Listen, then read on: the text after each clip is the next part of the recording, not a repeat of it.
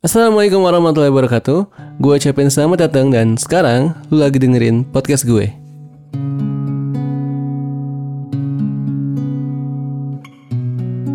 Sebelumnya gue mau minta maaf banget kalau misalkan beberapa bulan terakhir jarang atau bahkan sama sekali nggak nongol lagi di dunia perpodcastan karena satu dan lain hal.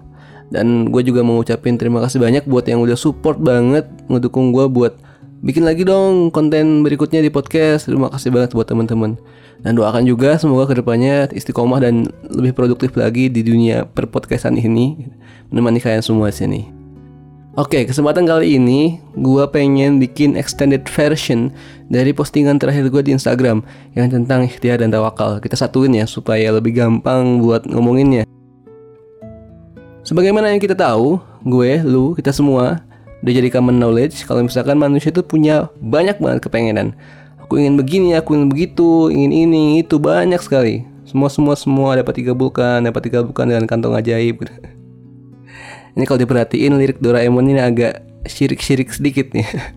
Tapi kita nggak bakal ngomongin itu ya. Kita gak bakal ngomongin ikhtiar dan tawakal. Ya, jadi bagi lagi manusia itu punya banyak banget kepengenan. Nah, usaha kita buat ngewujudin apa yang kita pengen supaya kita punya atau kita dapetin itu disebut dalam istilah agama kita ikhtiar, usaha. Jadi itu kayak domainnya emang hukum alam gitu loh. Kalau lu mau kaya ya lu gawe gitu. Kalau lu mau pinter ya belajar gitu. Kalau lu mau apa lagi mau cakep perawatan ya gitu kan. Walaupun ada aja yang perawatan macam-macam nggak cakep-cakep. Ada yang nggak perawatan tapi cakep dari lahir ada.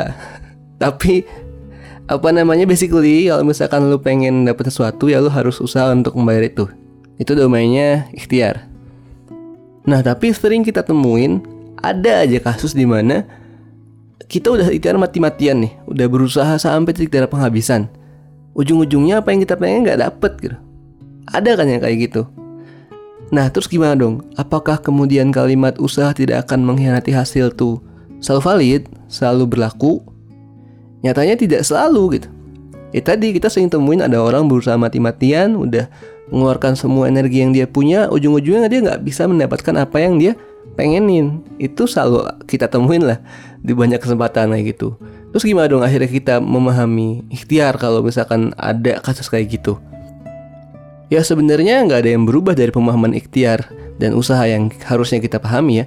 Soalnya gini kan tadi dibilangin kalau misalkan ikhtiar usaha itu domainnya adalah sunatullah hukum alam ya jika A maka B jika B maka C kayak gitu-gitu kan cuma kita nggak boleh menyalahartikan ikhtiar itu sebagai Tuhan.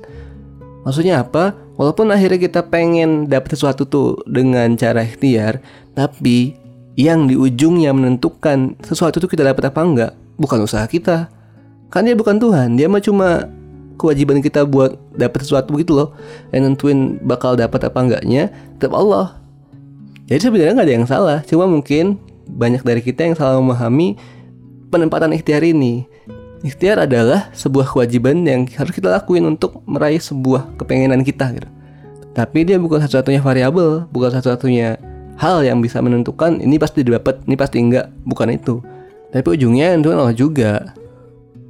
Nah, di situ dia akhirnya peran tawakal diperlukan. Gak cuma ikhtiar doang, tapi bersandingan dengan tawakal. Soalnya gini, soalnya bisa jadi ketika kita udah usaha banget, udah membayarkan semua energi yang kita punya nih, ikhtiar semaksimal mungkin, ada aja hal yang bikin kita gagal atau nggak berhasil sesuai keinginan kita.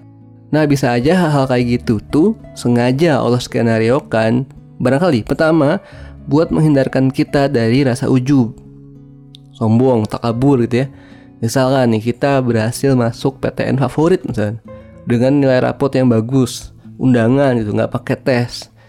Itu kalau misalkan ternyata kita belajar mati-matian kemudian rapot bagus masuk undangan bisa aja ini bisa aja setan kan canggih ya. Setan itu kan berpengalaman ribuan tahun menggoda manusia ya udah tau lah celah-celahnya.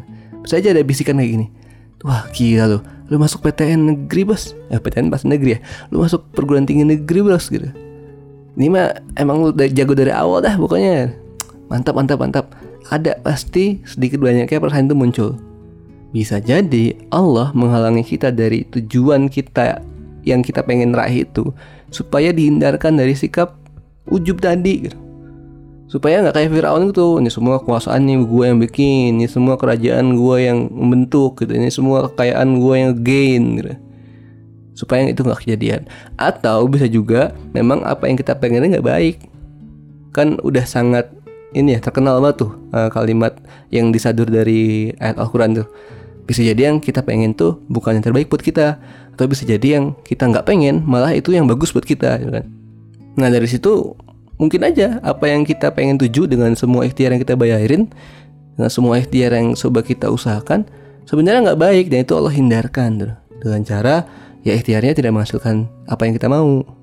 Itu dan semua possibility tadi kemungkinan oh kayaknya Allah menghindarkan gue dari ujub deh.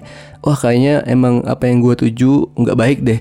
Possibility possibility tadi cuma bisa kelihatan kalau misalkan kita udah punya tawakal kalau misalkan kita nggak tawakal biasanya ya denial duh kenapa sih gue udah usaha mati-matian udah berdarah-darah dah gue di sini kok nggak berhasil tanpa ada tawakal possibility possibility tadi itu kemungkinan besar nggak bakal kelihatan sama kita That's why akhirnya tawakal ini kayak pelengkap banget dari ikhtiar yang kita lakuin. Gak boleh ada ikhtiar tanpa ada tawakal gitu.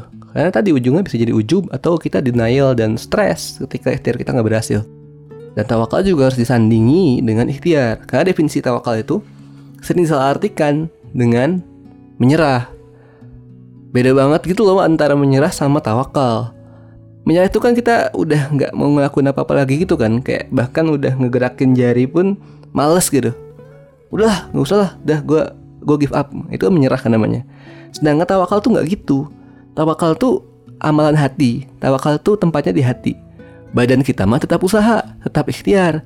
Cuma hati kita udah berlapang dada, udah legowo gitu, udah ridho. Mau apa pun yang bakal didapat nantinya, walaupun gue udah berusaha keras, ya gue nggak akan menuntut banyak gitu. Terserah Allah lah. Itu gimana Allah ngasihnya lah. Nah, itu tawakal namanya. Badannya tetap berusaha tapi hatinya udah lapang. Besok ujian nih. Yang disebut tawakal tuh bukan ah tinggal besok doang udahlah orang nggak usah belajar deh tawakal. Itu bukan tawakal namanya itu sudah give up yang namanya tawakal itu kita tetap belajar nih begadang mungkin ya atau belajar ke teman yang jago. Udah pokoknya kita lakuin apa yang kita bisa. Besoknya gimana akhirnya kita bakal jawab itu kita serahin ke Allah. Atau misalkan pas ujian nih kita ngerjain semua soal yang kita yang kita dapat gitu. Semampunya sempuyangnya lah semuntahnya kita lah. Perkara nilainya udah berapa ya itu terserah Allah. Nah itu namanya tawakal.